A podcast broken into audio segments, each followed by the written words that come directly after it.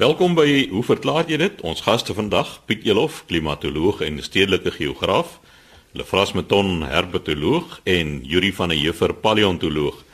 Yuri, jy's eerste aan die beurt en ek moet sê my kop draai al want jy praat oor tikmasjiene, bonobos en geeste. Goeiemôre Chris, kollegas. En luisteraars, eerstens wil ek net verskoning maak. Ons het 'n uh, lang tyd gelede oor tikmasjiene en die ontstaan van tikmasjiene gepraat. En daar's een brief wat ek gemis het wat teen die einde gekom het van Leni van Sail. En sy wil net die bekende opmerking gemaak het dat een van die goed wat mense altyd leer as jy begin tik het is om so Engelse sinnetjie te tik sodat jy al die letters van die alfabet gebruik en dan ook kan sommer sien dat jou tikmasjien se toetse almal werk. En uh, sy vermeld net dat hierdie spesifieke sinnetjie is the quick brown fox jumps over the lazy dog. En as jy dit getik het, het jy al die letters in die alfabet gebruik. So Leni, jammer dat ek laat glip het met die brief, maar daar is dit nou. Dan het 'n brief aangekom van Hans Rigard En hy lewe 'n kommentaar oor wat ons destyds behandel het omtrent die bonobo en die seksuele gedrag van die bonobos. En sy brief sê julle veralgemeen daarom erg oor primate en die rooi boude om te paar. Bonobos het seks na argumente daagliks. Hulle bad gebruik primitiewe gereedskap loop regop en as jy hulle leer kan hulle vuur maak. Is bonobos die sogenaamde vermiste skakel. Ons ja, ons het vir algemeen, maar bonobos is nie die vermiste skakel nie. As ons na jou lysie kyk om te sê bonobos bad, baie ander diere bad ook. Olifante bad ook, voëls bad dikwels. Dit is bekend dat voëls gereedskap gebruik. Daar's 'n voeltjie op die uh, Galapagos eilande wat vir hom 'n mooi takkie bewerk waarmee hy dan larwes uit die gate in boomstamme vir homself krap en natuurlik benobes loop nie regtig regop nie. Hulle kan maar hulle is eintlik nog maar kneukelgangers maar daar's voëls wat regop loop en uh, dinosouriërs die kwessie van benobes wat vuur maak is waar. Maar nou moet jy na die video jy het seker na die video's gaan. Kyk die dame leer die bonobo om 'n uh, sigaretaansteker te gebruik en as hy dit dan doen, word hy beloon. En dit is bekend dat 'n mens baie diere kan kondisioneer om goed te doen, snaakse goed te doen deur hulle te beloon. Ons jongste dogter het byvoorbeeld een van ons hondjies geleer om dood neer te slaan as sy nou kamstig 'n uh, pistool hier van haar heup af uittrek en met die vinger wys en dan die geluid maak asof 'n skoot afgaan, dan het hy dood neergeslaan en omgerol en sy het dit bloot gedoen deur hom te beloon as hy dit doen. So uh, ek dink nie 'n mens kan bonobos net tipeer daarmee nie want waaroor dit eintlik gaan om komplekse diere se gedrag of houding te beskryf maak 'n mens gebruik van 'n kombinasie van eienskappe en om te praat van 'n vermiste skakel is eintlik nie 'n uh, goeie term nie want daar word gedurig skakels gekry tussen verskillende groepe en as mense nou regtig waar wil hare kloof dan kan jy sê maar daar's er nog tussen elkeen van die wat gekry word is daar nog 'n vermiste skakel. So dis eintlik 'n eindelose soektog wat nie baie vrugbaar is nie. Die bonobos is dus nie soos ek dink jy vermiste skakel beskryf is nie 'n vermiste skakel nie want daai soort primate is op hulle eie ontwikkelingslyn. Ons is op ons eie ontwikkelingslyn en 'n mens kan nie eintlik die vermiste skakel kan nie eintlik een van jou kontemporêre gediertes wees nie. Jou tydgenoot kan byvoorbeeld nou nie die vermiste skakel in jou eie lyn wees nie. So daarvoor moet ons nou gaan terugsoek in ons eie afstammingslyn. So Hans baie dankie dat jy dit geopper het want dit gee mense kans om iets weer daaroor te sê. Chris, dan het ek 'n brief ontvang van eh, 'n uh, persoon van Woester, Clarence Voges. En hy het 'n vraag oor die storie wat ek vertel het oor afstandsgenesing.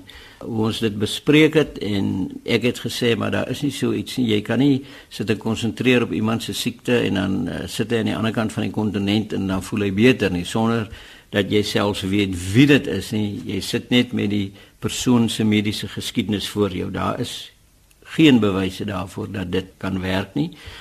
Maar hy sê hy het nou weer 'n artikel gelees waar 'n dokter beweer dat dit beoefen kan word. Nou ja, Clarence daar is vreeslik baie van die goed want dit gryp mense se verbeelding aan. So daar selfs boeke daaroor geskrywe hoe dit kon gebeur het. En ehm um, ongelukkig moet mense hier die korrels van die kaf skei. Dan verwys hy na die program van Sondag 27 September waar ek gepraat het oor die volmaan en die effek op mense al dan nie. En hy sê as hy nou reg onthou dan het ek gesê daar bestaan nie seker goed soos hekse en demone nie. Ek dink jy het reg gehoor daar bestaan nie goed soos hekse en demone nie. Baie mense sal jou daarvan probeer oortuig want dit is altyd lekker om 'n sonnebok iewers te vind. Nou kom sy eintlik 'n storie en hy sê ongeveer 19 jaar gelede voor hy en sy vrou nog getroud was, het sy op Woolsley gebly. Nou ja, ek ken vir Woolsley, ek het op Ceres groot geword. Ek baie lief vir die omgewing. En sy is toe deur 'n uh, bose gees getuister.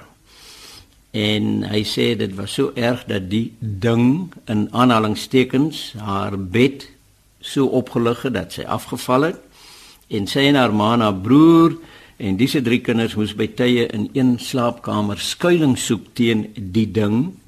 Hy sê hy kan nie al die detail nou gee van hierdie traumatiese storie nie, maar daar is mense wat kom wat kom bid het by die huis en hulle kon toe die ding na 3 aande verdryf.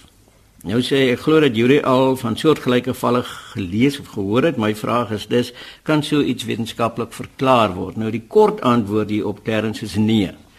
En dan 'n gekwalifiseerde ja. Die nee is dat hier te min inligting is.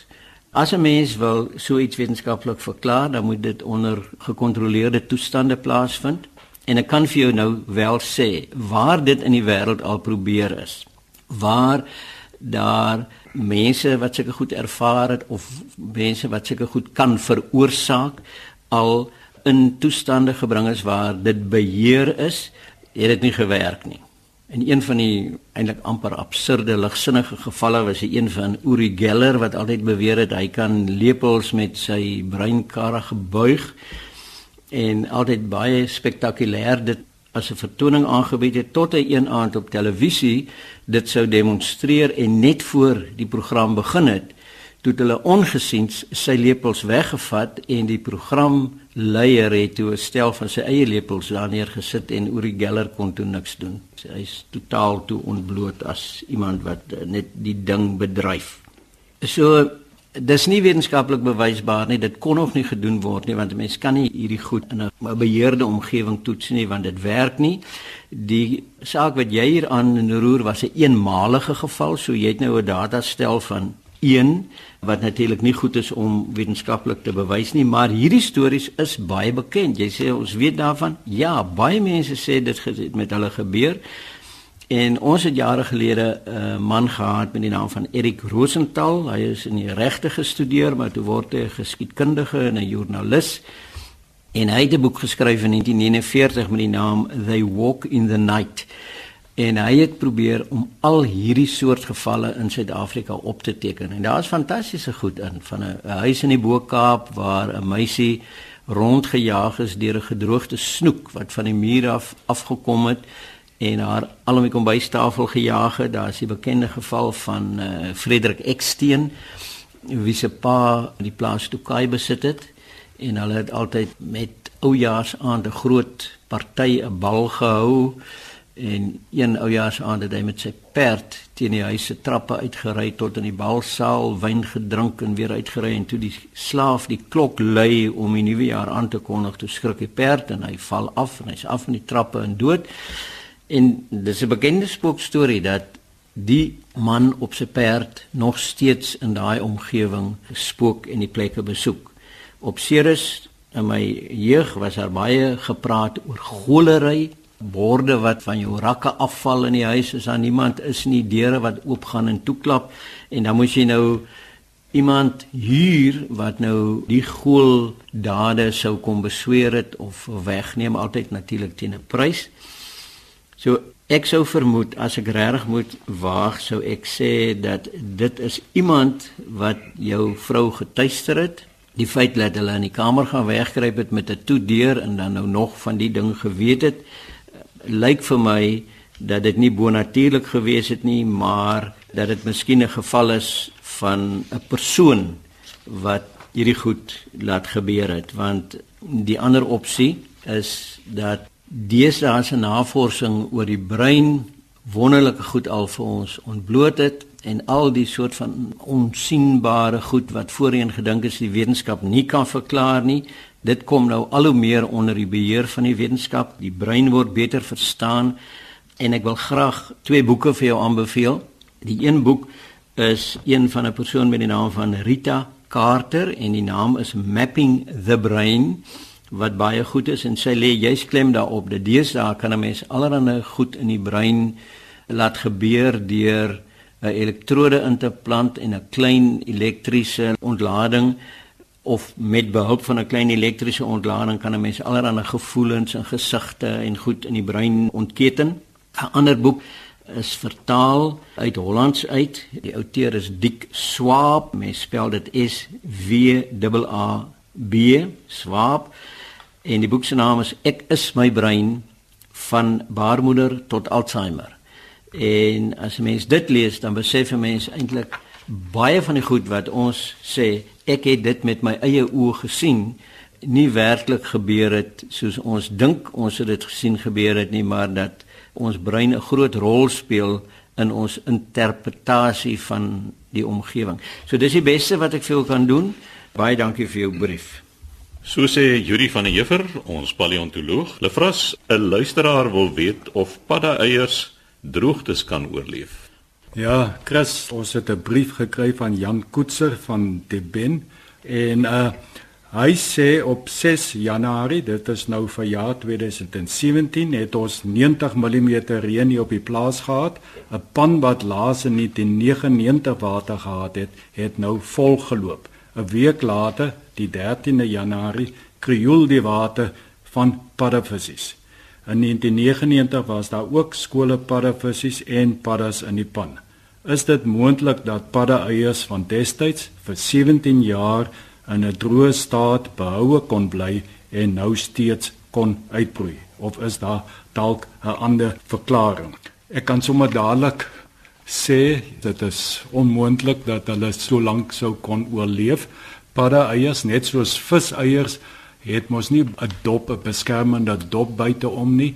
Hulle het net so 'n jelly laag en paddas, die meeste paddas altans lê hulle eiers in water en dan broei die paddavisse natuurlik in die water uit. Daar is enkele paddas wat hulle eiers op land lê in klamplekke en dan is daar geen paddavis stadium by betrokke nie. Of die paddavis stadium is somme in die eier self. Daar's nie 'n vry swemmende paddavis nie. So die feit dat hierso paddavis teenwoordig is beteken dat hierdie spesies wat hierdie eiers lê het dit in water gelê.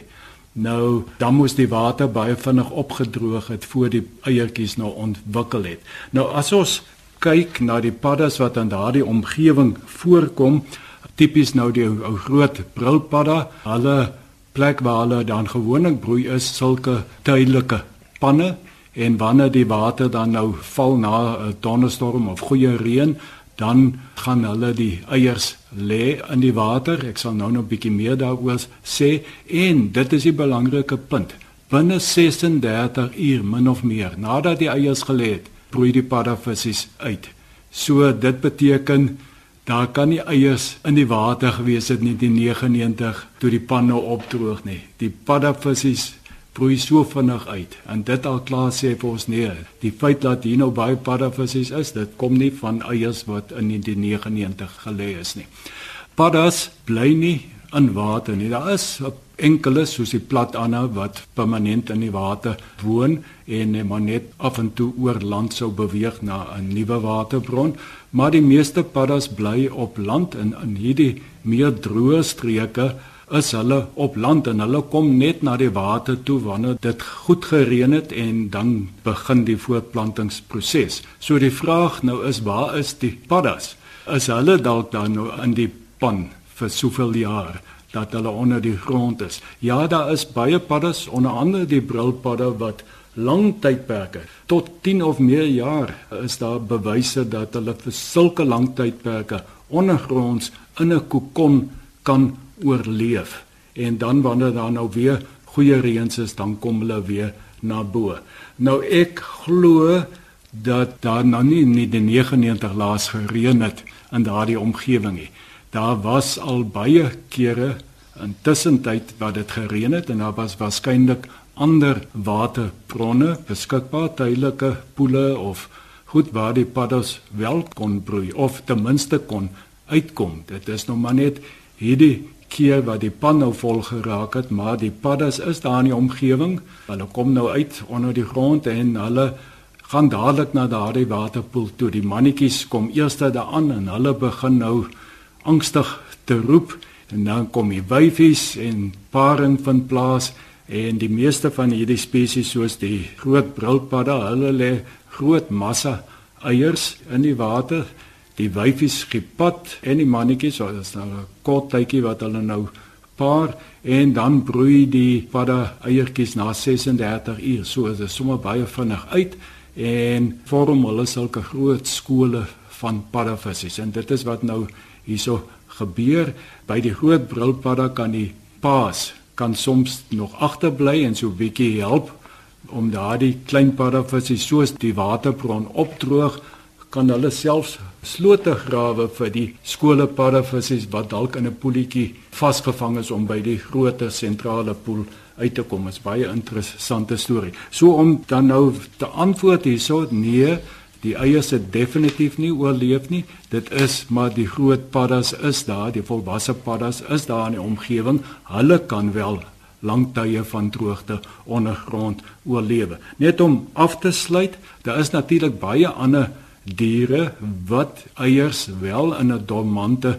toestand kan wees amper soos by plante die sade en dit is veral opvallend by baie van die parasitiese forme, net soos wurms, eiers en goed en luiseiers, vlooi eiers, ons weet die eiertjies lê daar gereed om uitgebroei te word en as daar beweging is van 'n moontlike gasheer dan broei hulle skielik uit. En ek dink daar sal onder die insekte baie baie gevalle wees waar eiers wel lang tydperke dormant kan bly voor hulle uitbroei, maar nie na my wete by werweldiere nie. Daar is by soogdiere die interessante geval of gevalle, ons noem dit embrioniese diapause waar bevrugting plaasvind, né? Nee, daar is die sigoot maar hy heg nie in die uterus wand nie. Hy word daar so in 'n dormante toestand gehou vir 'n hele paar maande totdat toestande uitwendig uh, omgewingstoestande geskik is en dan heg hy in die wand. Dit is mos nou 'n soogdier en dan begin die embrionale ontwikkeling.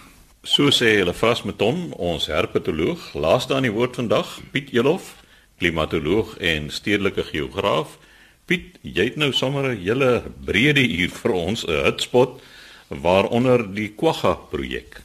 Ja, dankie Chris. Ek wil net vinnig oor twee briewe kommentaar lewer. Die een kom van Johan Wasserman. En hy skryf soos volg: Hy sê gegee ons huidige vreemde weerpatrone en die min reën die afgelope paar jaar en met die huidige waterbeperkings waarvan ons baie bewus is hier in die Weskaap, wonder mense wat is die komende somer se reën vooruitsigte. Nou sê hy dat onlangs op televisie gehoor dat daar van jaar nie 'n dominante El Niño en La Niña verskynsel in die Stille Oseaan voorkom wat ons dikwels aanduiding gee van wat weergewys te wagte kan wees nie. Hy sê hy kon egter niks bevestiging oor hierdie verskynsels raaklees nie, wat daarop dui dat dit enig hiervan 'n betekenisvolle impak op ons weer sou hê nie. Nou Johan, wat ek wel vir jou kan sê is dat hierdie El Niño en La Niña verskynsels wat in die Stille Oseaan, wil ek amper sê hulle oorsprong het, ons het al voorheen daaroor gesels het 'n redelike wye impak op die weerstelsels wat in die res van die wêreld, die Atlantiese Oseaan, die Indiese Oseaan en in Suidoos-Asië het maar die tweede brief net vinnig. Hy sê dit is nou Petri Botha van Middelburg in die Oos-Kaap. Hy sê ons het 'n vlak boorgat op die plaas wat natuurlik bo uitloop. Dagga wat na donderby so 'n maand terug het die fontein met seker 50% verswak. Wat veroorsaak dit? Nou die feit dat jy vir my sê dat die water natuurlik bo uitloop, sê vir my iets van die term wat ons in geografie noem 'n akwifer. Dit is moontlik so die feit dat hy verswak het na 'n donderby kan ek ongelukkig nie vir jou verklaar nie, maar ek hoop ons sal in die toekoms daai vraag vir jou behoorlik kan beantwoord. Maar Chris, dan het ek hier twee baie interessante vrae gekry van Johan Botha van Kaapstad. En hy het twee interessante vrae gevra. Hy sê wat is die verskil tussen 'n kwagga en 'n sebra? Nou, omdat ek belangstel in die natuur, begeef ek my nou op 'n ander terrein. Ek kan amper sê ek saal nou 'n willeperd op, 'n gestreepte willeperd, maar in Brit sal hulle nou sê vir jou what's in a name? Zebra, kwagga, bergkwagga, vlakte zebra. Nou daar is genoeg materiaal navorsing gedoen oor die ek wil amper sê die kleurverskille tussen hierdie verskillende perde equus groep as ek dit so kan stel. Nou wat die kwagga aanbetref, weet ons hy's beskou as dat hy uitgesterf het. Ek is net nie heeltemal seker of dit nie net 'n kleurvariant was van die sogenaamde vlakte sebra nie. 'n Kleurvariant wat oor duisende jare ontwikkel het veral in die suidelike dele van ons land. Waar wat ons sien is dat die agterkwart van hierdie sebra, kwagga, het nie strepe op nie. Die bene het nie strepe op nie en die strepe wat oor die rug gaan kom nie tot by die maag uit nie. Nou mense wat dalk bietjie gelees het oor hierdie goed en veral tydskrifte wat berig oor die kleurvariante. Ek het 'n klein kind wat 2 en 'n half jaar oud is en ek het 'n prentjie vir hom gewys en gesê is 'n rooi bok. Hy sê vir my nee oupa, dis 'n swart bok. Dis kleurvariante. En so by so kry jy ook natuurlik verskeie kleurvariante by springbokke. Ons ken almal die gewone springbok, 'n swart springbok, 'n wit springbok, 'n koperbok. En nou in die laaste tyd moet ek lees van 'n koffie springbok, ek lees van 'n marula springbok en dan sien ek ook fotos van 'n springbok wat die agterste helfte wit is en die voorste helfte bruin is. Al wat dit vir my sê is dat dit is gewoon selektiewe teeling dat daar swart springbokke en wit springbokke histories voorgekom het. Daar's nie daar's nie twyfel daaroor nie. Maar nou met die huidige wildbedryf is die mense besig om selektiewe teeling te doen.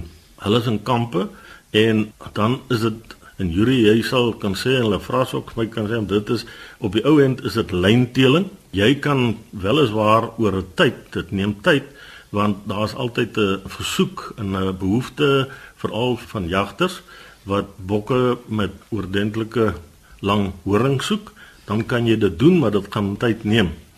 En as ek met terugkom na die kwagga toe by die Kaapse Jagters en Wildbewaringsvereniging is daar 'n projek al vir geruime tyd aan die gang om te probeer om na aanleiding van die fotos wat daar bestaan oor die sogenaamde kwagga uitgesterf of uitgeskiet is te probeer terugteel.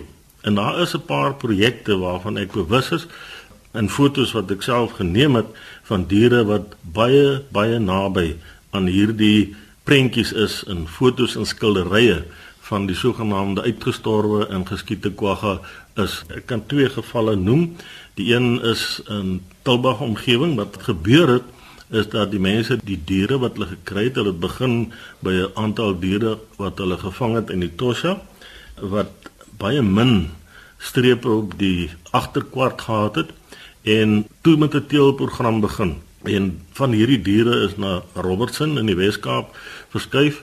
Die projek is natuurlik redelik duur geweest en toe is daar kleiner groepe versprei in ander dele van die Wes-Kaap Ek persoonlik het foto's geneem van 'n jong filletjie in die omgewing van Tilbag, as ek die plaas mag noem, Windhoek en dan natuurlik ook in Hermon omgewing, Elandsberg, Bartolomeus Klip is die naam van die plek en daar is daar ook diere en daar het ek met Mike Gregor gepraat wat uitvoerende beampte is van 'n groep plase en sy woorde aan my was Piet, as ons nog nie daar is nie, dan dink ek ons is bitterlik naby aan die prentjie van die uitgestorwe of uitgeskiete kwagga. En uh, dit wys net vir my weer eens dit gaan oor hierdie kleurvariante. Ons lees van baie soorte kleure, bokke, blesbokke, willebeeste en al hierdie goed so. Ek vermoed wat nou aan die gebeur is is dat ons net weer eens deur hierdie selektiewe teeling 'n kleurvariant van die vlakte sebra het wat natuurlik tot bo in Sentraal-Afrika ook voorkom maar wat totaal anders lyk as die sebras wat ons hier het in die vlakte sebra. Piet, dis iets wat my nog altyd baie na aan die hart gelê het en ek het 'n uh, paar jaar gelede 'n artikel gesien wat 'n ou geskryf het oor die genetika want hulle het van die bene van die quagga aan genetiese toetse onderwerp en die data sê vir hulle dat hulle kan die quagga beskou as 'n subspesies.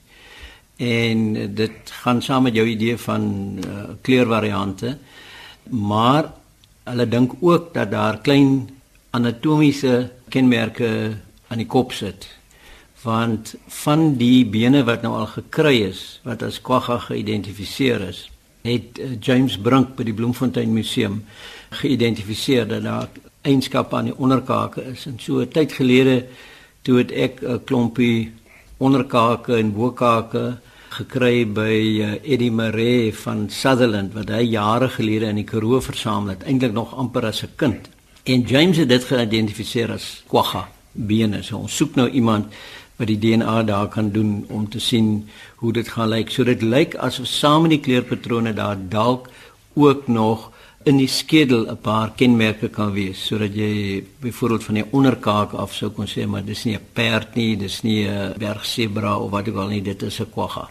Dankie daarvoor. Ek wil net vir jou sê dat uh, ons het nou nie waarskynlik nie tyd om die fisiese eienskappe te bespreek, die verskille wat jy het in 'n bergquagga of bergsebra en die tipe van goed nie, maar daar is daar is tog eksterne fisiese verskille wat jy kan waarneem rondom hierdie verskillende as ek nou sê subspesies van hierdie bondperde wat ons het. So sê Piet Elof, ons klimatoloog en stedelike geograaf, die tyd het ons ingehaal. Skryf gerus aan, hoe verklaar jy dit? Posbus 2551 Kaapstad 8000 of stuur 'n e-pos aan chris@rsg.co.za.